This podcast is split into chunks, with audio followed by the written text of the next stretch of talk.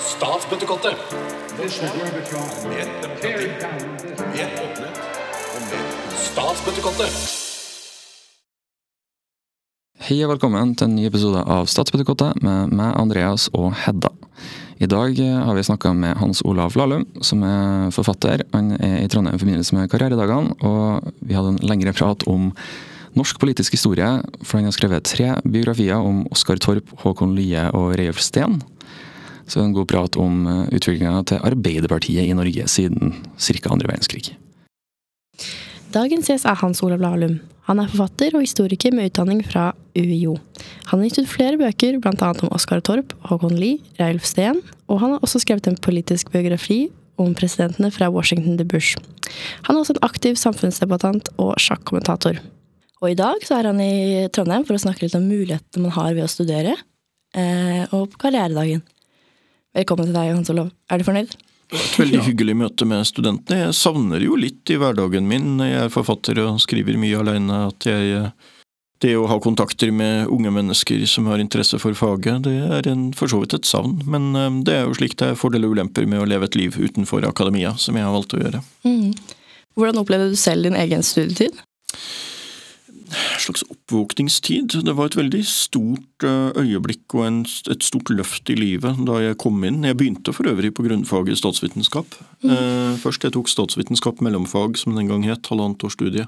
Før jeg, tok, eh, før jeg tok historie. Jeg vurderte også å ta master i statsvitenskap, eller hovedfag som den gang het. Men, men det var nok en, en, lykkelig periode i livet hvor jeg følte at tilværelsen var blitt mye mer meningsfull, og at det var veldig interessant å få fordype seg på et fag og på studier av politikk og politisk historie og ting jeg var interessert i. Så jeg, jeg var nok ikke regnet for å være de mest sosiale studentene. Jeg drakk ikke alkohol og var lite med på sosiale tilstelninger.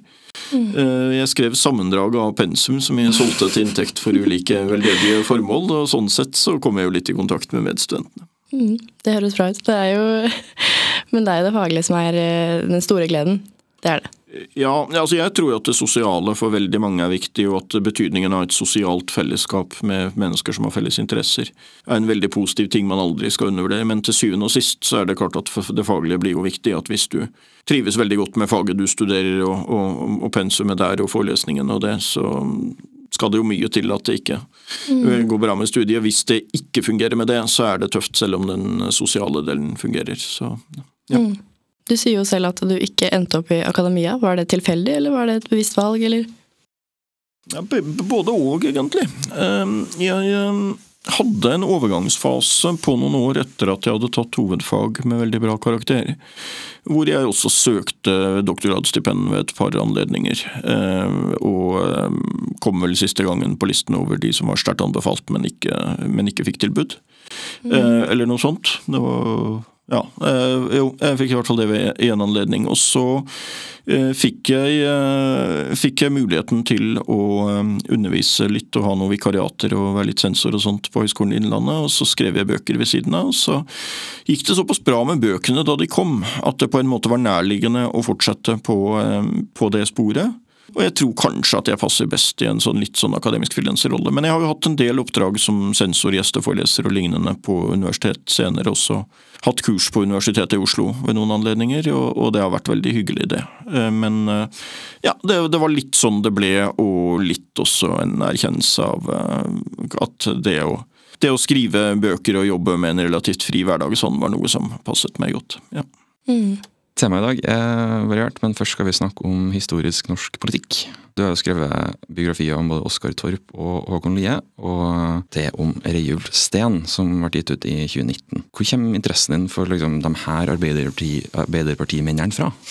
Ja, uh, interessen for mennesker og deres livshistorie våknet veldig tidlig. Jeg uh, leste en sånn serie, Historien om, som var sånne veldig enkle historiske biografier uh, retta mot barn. da. Uh, de begynte jeg ifølge moren min å lese da jeg var ca. sju, og det kan vel stemme. At det var i sju-åtteårsalderen, tror jeg, første gang jeg leste en biografi om en av de store amerikanske presidentene. Veldig enkel biografi, riktignok. Men det vekket liksom interesse. Interessen var der hele tiden for historie, mennesker, livsløp. Viktige politiske hendelser og den type ting. Det var der på en måte lenge før jeg egentlig ble interessert i politikk, så var den, den interessen var der og har ligget der hele tiden. Og så jeg har jo aldri selv vært aktiv i Arbeiderpartiet, aldri vært medlem heller. Men det var for så vidt et bevisst valg, at jeg tenkte at det er bedre å skrive om et parti man på en måte står i nærheten av, men ikke tilhører, enn å liksom bli trukket inn i de interne prosessene og, og alle de tingene der. Så jeg kunne se det på litt avstand, men samtidig ikke for stor avstand. Og jeg har også da valgt å skrive om typisk en periode som er på litt avstand, men ikke så veldig stor avstand. Altså at vi er inne i etterkrigstiden. Det er jo særlig sånn 40, 50, 60, 70, 80.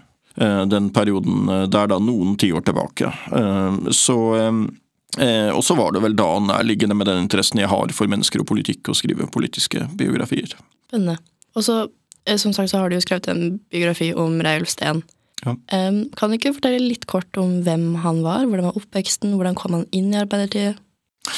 Ja, Reiulf Steen var jo ble jo av og til sagt å være liksom Uttrykket 'den siste proletar' har jo blitt brukt om mange, selvfølgelig. Og siste store folketaleren var det også noen som kalte han. Han kom fra folkedypet, kom fra veldig enkle kår.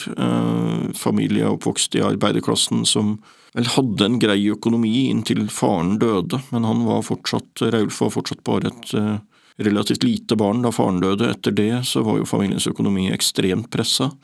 Og han går jo da inn i, i en rekke av disse intellektuelt begavede barn, og veldig, eh, veldig samfunnsbevisst eh, engasjert barn i arbeiderklassen, men hvor man ikke har økonomiske muligheter til å ta en utdannelse og, og, sånt. Og hvor man ender opp med i stedet å gå veien gjennom politikken, engasjere seg politisk. Og en veldig sterk bevisst klassebevissthet. Han var oppvokst i en arbeiderfamilie med en far som eh, var aktiv i arbeiderbevegelsen, men som døde tidlig.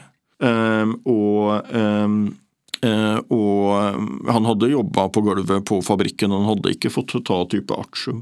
Han, øh, han, var veldig bevisst om det, og han så på seg selv som en identitetsbærer for den virkelige arbeiderklassen og arbeiderbevegelsen, øh, sånn sett. Uh, og så blir han jo en, et skifte, da. Det kan diskuteres alt det der med den siste proletar og, og, og alt det der, men uh, det er jo et skifte, da. Raul Steen går i 1981, da kommer Gro Harlem Brundtland. Det er et skifte fra mann til kvinne. Det var jo på, på tide, men samtidig var Norge internasjonalt tidlig ute med å få en kvinne som statsminister og partileder for Arbeiderpartiet. Eh, det var jo også et stort skifte som kanskje på mange måter var viktigere opp mot Raul Steen. At det var et skifte fra han som liksom den siste av disse partiformennene som på en måte bare hadde eh, folkeskolen og litt til av utdannelse, og over til en ny generasjon med akademikere. Eh, og det, og det var et skifte han selv aldri helt kom over, tror jeg vil si. Han så på det med en sånn uro. Han oppfattet at man hadde gitt avkall på deler av historikken og identiteten og alt dette her. At han fryktet hele tiden livet ut. Han døde jo da i 2014, eh, og han fryktet hele veien livet ut at man liksom hadde mistet noe. At det var viktige grupper man ikke lenger så. Og, og, og, og, dette, så han, han, stemte jo Arbeiderpartiet livet ut, men han bar med seg en uro som kom frem på senere år, med hvilken vei man hadde tatt, og, noe med at man hadde forlatt røttene og noe. Og så vil man jo fra den andre siden si at det var helt nødvendig at man fornyet seg, at man nådde ut til grupper man ikke hadde nådd ut til før, f.eks. akademikerne, som jo ble en større og større del av befolkninga. Så Hvis vi går litt tilbake til den unge Reiluf, da. Hvilke, hvem, hvem, hvordan var Arbeiderpartiet da han trådte inn i det? Ja, Det er jo da perioden etter krigen hvor Einar Gerhardsen er eh, statsminister, veiarbeideren fra Oslo, er, eh, er blitt partiformann og statsminister. og det kartet var jo i større grad enn i dag, mye større grad enn i dag et klasseparti. Det var samtidig et parti som hadde begynt å ta eh, noen steg med å erkjenne at det f.eks. fantes eh, f.eks. av funksjonærene, som hadde vært en gruppe man tradisjonelt ikke hadde knytta seg til, men som man nå hadde innsett at funksjonærgruppen eh, og gruppen av eh, folk med akademisk utdannelse osv. er blitt så stor at vi må klare å gripe inn den. Det var fortsatt et veldig mannsdominert parti, da. Eh, og det er det egentlig gjennom hele Gerhardsen-epoken eh, fram til 1965. Så er det et veldig mannsdominert eh, parti, og på mange måter rart å bruke ordet verdikonservativt, kanskje. Men det er jo klare konservative trekk ved det sett fra vår tid. Man la på en måte fortsatt til grunn at familien hadde én inntekt, at det var mannen, og at uh, mannen var i arbeid. Altså, jeg husker Oskar Torp, som første jeg skrev biografi om, var jo da statsminister i 1953, og da sto han liksom på på, på, torgene rundt i Norge, og, og da han ble spurt om det der med kvinner og det, så var han veldig opptatt av at man skulle skaffe flere vaskemaskiner og, og, og det, den type ting. Og så sa han vel noe à la at det viktigste for kvinner i Norge i dag er at mannen har fast jobb og at sønnene får ta utdannelse, eller et eller annet i den grad. Så, så man var jo på en måte Man var preget av eh, den tiden man vokste opp i. Eh, du kan kanskje si om f.eks. Gerhardsen og Torp at de i noen grad var sosialmaterialister. Altså, De var opptatt av å heve levestandarden, særlig for den andelen av befolkninga som hadde minst. De hadde vokst opp i disse trangbodde arbeiderboligene.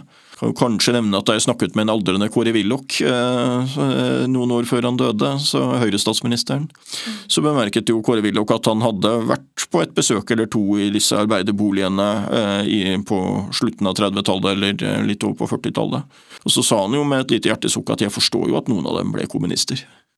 Uh, altså, det, det, det, var en veldig enkel standard mange steder, som disse folka kjente på kroppen. De hadde vært der, de hadde bodd inne i disse trange arbeiderboligene. Uh, de, de, hadde sett naboer som gikk og pantsatte eiendeler for å få råd til å kjøpe mat. Altså, de, de, hadde vært der ute og sett det.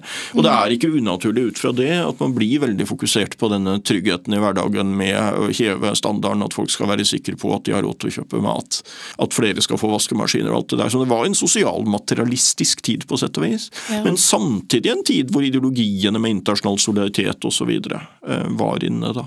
Mm. Så den klassebevisstheten den satt i uh, Reivsten resten av livet? vil du si det? Ja, ja, det må man si. Klassebakgrunnen satt alltid i. Men så var han jo samtidig et omgjengelig søkende menneske. Han fikk jo etter hvert mange venner. Eh, han giftet seg jo i sitt andre ekteskap med en, en diplomatkvinne fra Chile, som jo kom fra helt andre mm, sosioøkonomiske kår enn det han selv gjorde. Så han, eh, han, var jo opptatt av å bygge broer og allianser, og også en brobygger internt i Arbeiderpartiet, i en del sammenhenger bl.a. etter den opprivende EF-striden i 1972.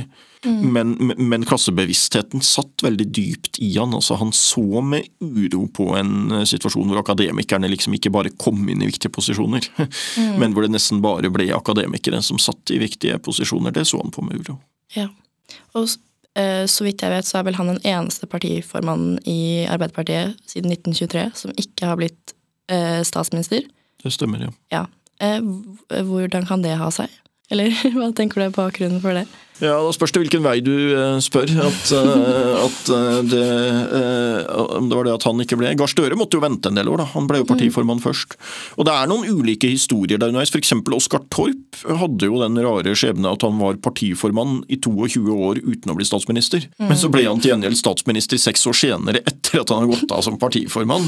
Så det, jo ikke alltid, har ikke alltid vært samsvar der, da. Men, men Arbeiderpartiet har jo hatt en veldig dominerende stilling i norsk politikk gjennom mesteparten mesteparten av den perioden. og Det har jo da vært mange statsministre fra Arbeiderpartiet. Og de partiformennene de har hatt, har veldig ofte sittet veldig lenge. I hvert fall hvis du går på den perioden du snakker om, fra 1923 til 2023. Så er det jo ikke mange partiformenn man har hatt, altså. Det er jo da altså det er jo gullrekka, eller hva du vil kalle den. Oskar Torp, Einar Gerhardsen, eh, Trygve Bratteli. Eh, Raul Steen, Gro Harlem eh, Brundtland, Torbjørn Jagland, Jens Stoltenberg, Jonas Gahr Støre. Det er en kort rekke når det er snakk om 100 år, altså. Mm. Så mange av dem har jo hatt veldig lange karrierer. Hvorfor Reiulf ikke ble statsminister, hvis det var det du mente å vinkle på? Mm. Det var jo veldig spesielle forutsetninger allerede da han ble valgt på landsmøtet i 75 så var det en opprivende intern lederstil i Arbeiderpartiet som han egentlig ikke klarte å løse. Han som representant for eh, venstresiden i partiet, Oddvar Nordli som er sånn sentrum-høyre-kandidat, og litt ulike politikertyper, selv om den politiske uenigheten mellom dem egentlig var veldig liten. Eh, og Det endte jo da med det kompromisset da med at Raus Steen fikk bli partiformann, og at man samtidig utså Oddvar Nordli som den kommende statsministerkandidaten. Så hele forutsetningen der var spesielle. Men det kan jo altså absolutt argumenteres for at det var en del problemer han hadde. og egenskaper og hva slags type politiker han var. Og at det kanskje ikke var den type verv han passa eh, best til. Det vil det jo være noe delte meninger om fortsatt. Han hadde jo også på det tidspunktet et problem som er kjent i ettertid, delvis med nerver, og delvis også med alkohol. Som jo selvfølgelig gjorde at mange var skeptiske til å slippe han eh, frem. Og en del av de som ville vært skeptiske til å slippe han frem uansett, fordi de syntes han var for langt til venstre og for frittalende og det ene med det andre, eh, brukte jo selvsagt også det. da. Mm. Men selv om han ikke ble statsminister, så var han jo Eller jeg vil si at han var en viktig mann for Aps historie. Ja, Han er viktigere i partihistorien enn i landets historie. ja. Ja. Eh, I og med at han ikke nådde helt til topps i regjeringen, så ble han jo ikke den betydningen som noen andre fikk når det gjaldt Norge som nasjon. Men internt i Arbeiderpartiet og arbeiderbevegelsen så ble han jo viktig. og det, Selv mente han jo at den viktigste innsatsen han gjorde, kanskje var å være brobyggeren i den veldig krevende fasen etter EFA-avstemninga i 72. eh, hvor det var veldig sterk splittelse i Arbeiderpartiet, uro for om partiet kunne bli delt nær sagt på midten, eh, og kanskje få en helt annen rolle i norsk politikk enn eh, tidligere. Viktig stemme for internasjonal solidaritet og internasjonale perspektiver. Og eh, så er jo Norge fortsatt ikke blitt medlem av EU, men hvis Norge blir medlem av EU, så tror jeg nok at en del vil si at han var en viktig pådriver i denne retningen. Han var mm. veldig internasjonalt eh, orientert eh, gjennom hele perioden. Så, eh, og en del vil si også at han hadde stor betydning for å holde en del av de gamle, tradisjonelle arbeiderklassevelgerne inne i partiet. Eh, slik det ble, jeg ser fortsatt at du møter eldre mennesker i den kategorien og partifolk som liksom eh, som blir varme i røsten når de tenker på Ralf Steen, talene han holdt, eh, og, og den brobyggerinnsatsen han gjorde sånn. Ja. Vi, nå har vi snakket litt om etterkrigstiden og Reiulf Steen og den rollen han hadde. Og så hvis vi beveger oss litt, eller ser litt sånn paralleller, da, hvordan Ap i Stens tid og utviklingen mot slutten av 1900-tallet nå har eh, utviklet seg, eh, så vil jo kanskje noen si at den arbeiderklassen har mista litt sin status, eller eh, nesten forsvinner litt. Klosseidentifikasjonen i Norge i dag er jo mindre sterk enn var. Klassesamholdet er svakere, og det er mer komplisert. Eh, selv om det er jo et land da, hvor f.eks. fagbevegelsen har holdt stillingen veldig godt sammenlignet med andre land, hvis du ser på hvem som er fagorganiserte, hvem som er medlemmer av LO og andre eh, organisasjoner for arbeidstakere, så er vi jo et veldig organisert samfunn sånn sett, og sånn sett har man en sterk arbeiderbevegelse i Norge fortsatt. Men det er jo helt klart at gassidentiteten eh, sånn sett er svekka. Det var et helt nødvendig sprang å ta at Arbeiderpartiet måtte nå ut til å appellere til nye velgergrupper som ikke hadde vært blant de gamle kjernevelgerne deres.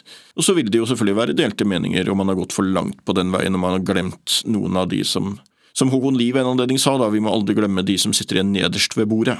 Eh, og Det er jo en diskusjon som f.eks. i den sykehusdiskusjonen man har nå med, med og, og, og, eller hele helsevesenet, ulike eh, trekk ved tiden vi lever i, arbeidslivet, ar- arbeidslinja, ulike ting. Så er jo det et tema som det vil være sterkt delte meninger om, også internt i Arbeiderpartiet. Eh, hvor identiteten ligger, eh, om man har tatt seg nok av svake grupper som står utenfor arbeidslivet, og man har klart å fange opp de godt nok. Men eh, det er jo også, i et komplekst samfunn som det vi lever i, så er det jo også en krevende oppgave. Men Arbeiderpartiet har gått fra å være et øh, klasseparti til å være det som på det statsviterspråket dere vel det litt mer kalles et catch all-parti, er det ikke det man kaller det? Altså et parti som prøver å ha nærmest universell appell til velgerne. Eh, og f.eks. prøvde å nå ut til eh, eh, til folk som jobber i det private næringsliv og, og bedriftseiere der og sånt, på en annen måte enn det man, eh, eh, enn det man gjorde tidligere, selvfølgelig. Mm. Og Sten var vel litt eh, ja, hvordan skal jeg si det, misfornøyd med Jonas Gahr Støre.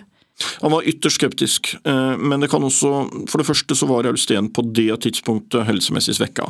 Eh, Det var Fysisk og mental helse var kraftig svekket på det tidspunktet, så man får være litt grann forsiktig med, med uttalelsene hans fra de siste årene. Men han hadde en grunnleggende skepsis til Jonas Gahr Støre hele tiden. Der blinka på en måte varsellampene veldig kraftig for ham eh, med de klasseinstinktene han hadde, på at vi har en som kommer fra en utprega borgerlig familie, oppvokst i en veldig rik familie, har en stor formue, ikke har eh, så å si eh, de de gradene man tradisjonelt gikk i, i partiet, type AUF-tid osv., som kommer inn i partiet nærmest i voksen alder, eh, eh, og så begynner på en måte på toppen, da, altså blir hentet inn til viktige verv høyt oppe. Alle, alle varsellampene for Aulsten blinka på det. Han var ytterst skeptisk, og man kan godt argumentere for at det var urimelig opp mot uh, Gahr Støre. Man kan jo argumentere for at hvis du har den bakgrunnen Jonas Gahr Støre har, er oppvokst i en familie som uh, sitter veldig godt i det økonomisk utpreget borgerlige osv., så, videre, så viser det jo på en måte et genuint politisk engasjement. At du på en måte krysser den politiske streken og går aktivt med uh, i et parti over på sentrum-venstre, eller hva man skal kalle det, i, norsk politikk, men i hvert fall gå over den gamle skillelinja. Og en del av den kritikken som har kommet eh, mot Gahr Støre der, får jeg jo si fra mitt ståsted at virker veldig urimelig, men samtidig så er det klart det er et relevant spørsmål hva man mista på veien av identiteten man hadde, og eh, om partiet fortsatt er et parti for i anførselstegn vanlige arbeidsfolk på den måten som det helt åpenbart var i Gerhardsens tid. Og det er noen dilemmaer der som eh, partiledelsen i dag sikkert er eh, fullt klar over. Men Norge er også blitt et mye mer komplekst samfunn på veien dit. Hvis vi ser på Arbeiderpartiet i Stens tid og i etterkrigstida, altså, hvordan syns du kontrasten er mellom den perioden da fra etterkrigs, rett etter krigen og inn mer i moderne tid, altså i 90-tallet, tidlig 2000-tallet, um, den utviklinga som har skjedd? Steen og tilhengerne hans mente jo at det var en høyredreining som uh, Gro Harlem Brundtland uh, og hennes regjeringer innebar. Og Det er jo delvis riktig på den måten at du fikk en høyrebølge i Norge på 80-tallet med Willoch. Willoch-regjeringen, som ikke satt så veldig mange år, men som utrettet veldig betydelige ting i så måte og gjorde endringer. Og at Arbeiderpartiet aksepterte en del av de endringene. Man valgte å konsentrere seg på å ha regjeringsmakten og gjøre det beste ut av situasjonen, fremfor å ta en mer ideologisk kamp om å reversere en del av de endringene som hadde vært. En del endringer er ganske udiskutable i ettertid, og en del endringer eh, kan avgjort eh, kan avgjort diskuteres om Arbeiderpartiet burde prøvd å, å, å, reversere. Det var det selvfølgelig delte meninger om internt i uh, partiet også. Men det er jo en lang litt sånn glideflukt, hvor man liksom har gått litt inn mot sentrum, prøvd å appellere til nye store eh, velgergrupper eh, der. Så kan man også tolke det på litt ulike måter. Man kan jo nå si at nå er oppslutningen i hvert fall på meningsmålingene nå rekordlav. Det har vært, det var et veldig dårlig valg i 2001, så klarte man å heve seg noe opp igjen senere. og Så kan kritikerne sier at det er jo ikke mye igjen av storhetstiden. 48,3% av stemmene fikk Arbeiderpartiet på det meste på 50-tallet. Det er lang vei opp eh, dit igjen. Man hadde flertall alene i Stortinget, så sånn sett så har det gått kraftig ned. Og så vil en del av de som forsvarer partiet si at det er ikke så mange andre land hvor man egentlig de tradisjonelle sosialdemokratiske partiene har holdt stillingen så godt som de har i Norge, når de nå sitter som det klart største partiet i regjering eh, og sånt. Så man kan tolke det på litt ulike måter. Der Sverige har det gått bedre.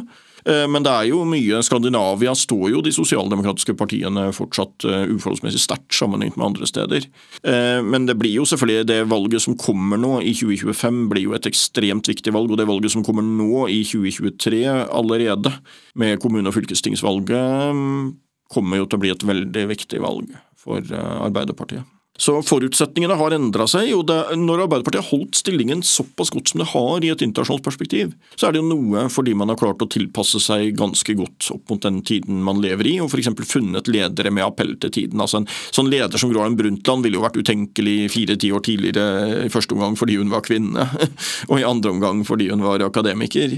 Eh, men traff jo veldig mange velgere i, eh, i sin tid, og tilsvarende Jonas Gahr Støre som leder for Arbeiderpartiet på Gerhardsen og Brattelis tid. ville ville, ville, vært veldig vanskelig å se for seg. Men det er en annen tid, og, og, og partiet har liksom eh, tilpasset seg eh, etter det. Og så har det vært noen, eh, noen smerter på veien dit også. Så, så ja, det er, en, det er, ikke lett å være politisk parti i dag, altså. Det er, det er flere som sliter med det. og Velgerlojaliteten er mye lavere. I gamle dager kunne de jo liksom stole på at 40% av velgerne stemte på det uansett hva de gjorde. Men nå er jo velgerlojaliteten mye lavere. Velgerne spretter frem og tilbake og i anførselstegn shopper litt øh, hva de vil. Og det er klart det er et helt annet landskap enn, enn det man hadde. Mm, absolutt, og det er kanskje nødvendig for Arbeiderpartiet å ta den utviklingen. Uh, i en eller annen form, ja. Man kunne mm. ikke stå igjen og være et parti med, med, industriarbeiderne som basis i en tid hvor de var eh, blitt en sånn eh, liten minoritet av, av befolkninga. Det, det, kunne man jo selvfølgelig ikke. Men det er et lite sprang, da. Fra 1928 til nå så har det i hvert fall Arbeiderpartiet hele tiden vært største parti i Stortinget. Om det holder over valget i 2025, eh, det gjenstår jo å se. Men slik det ser ut på målingene nå, så har man jo et godt stykke frem til da, å bevare den posisjonen man har hatt som det største partiet i Stortinget. For det har man vært over alle regjeringsskifter fra 28 og frem. Så det er spennende tider for eh, Arbeiderpartiet, og for oss som følger med på norsk politikk uten å være med i Arbeiderpartiet. Veldig. Eh, og nå, så vidt jeg skjønte, så skriver du en biografi om Einar Gerhardsen. Ja. Stemmer det? Ja, Jeg gjør det. Eh, vi får se hvordan det blir, om jeg klarer å bli ferdig til høsten, eller om det må bli neste år. Det er et veldig langt lerret å bleke. Det er jo på en måte den aller største av, eh, og mest langvarige av Arbeiderpartilegendene. Men jeg har jo skrevet andre bøker hvor han har vært en sentral aktør egentlig i 20 år nå. Så vi får jo håpe at jeg har en del å bygge på der. Mm. Du, eh, hvis jeg kan spørre, Hvilken biografi syns du har vært mest spennende? Hvilken karakter eller person syns du er mest spennende å skrive om? Nei, de har ulike, ulike styrker og svakheter. De tre store biografiprosjektene jeg har hatt med Oskar Torp, Håkon Lie og Ralf Steen, har jo vært det politikere fra samme parti, delvis overlappende tidsperiode, da.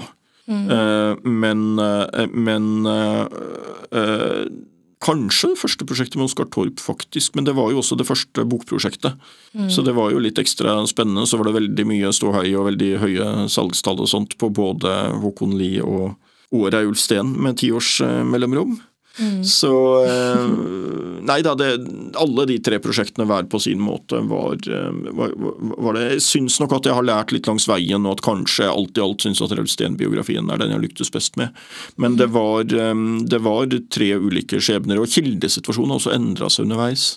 Det er en del kilder som er gått bort, selvfølgelig, en del muntlige kilder som er blitt borte, og stemmer som har stilna. Samtidig så er tilgangen på digitale kilder i dag uten sammenligning mye bedre. Det hadde jeg stor nytte av allerede da jeg skrev Rausten, enda mer nå når jeg skriver om Gerhardsen. At det at man har fått digitalisert så mye aviser og, og, og, den type kilder som man har, gir jo både for historikere og statsvitere en del muligheter. Jeg husker Da jeg skrev biografien om Oskar Torp for vel 15 år siden, så satt jeg altså fysisk og bladde gjennom eh, til dels fysisk og bladde i gamle avisutklipp. og jeg satt og, og, eh, på mikrofilm og bladde gjennom side for side uten å kunne søke opp ting og sånt. Så det er klart at der har det skjedd ganske mye som gir en del nye muligheter for meg og andre forfattere nå på 2020-tallet.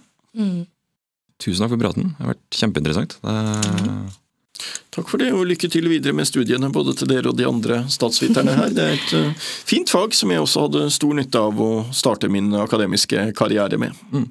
Tusen takk. tusen takk. Wow, eh, for en prat, Andreas. Ja, han er, han er jævla flink. Ja, han er det. Eh, nå har jeg lært ekstremt mye på den eh, praten her. Helt enig. Det er veldig mye bra informasjon her, og veldig mye ting jeg ikke har tenkt over før, som noe vi har. Veldig, veldig fine tanker om norsk politisk historie, og spesielt lært veldig mye om, om Arbeiderpartiets historie og de karakterene, eller de personene da, som har vært viktige for den. Absolutt. Og jeg tror det her er Kan nesten ikke gå mer i dybden enn det her, egentlig, på en podkast. Også så spennende med den nye boka om Einar Gerhardsen også. Det gleder jeg meg til å lese. Når den kommer, så ja, det jeg gleder meg.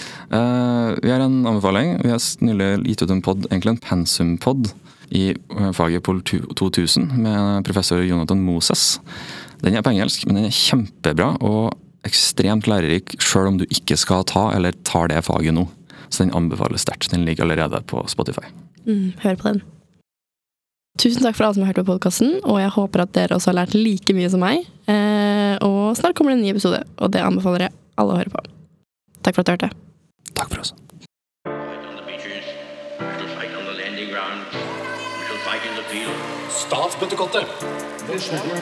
Mer Statsbøttekottet.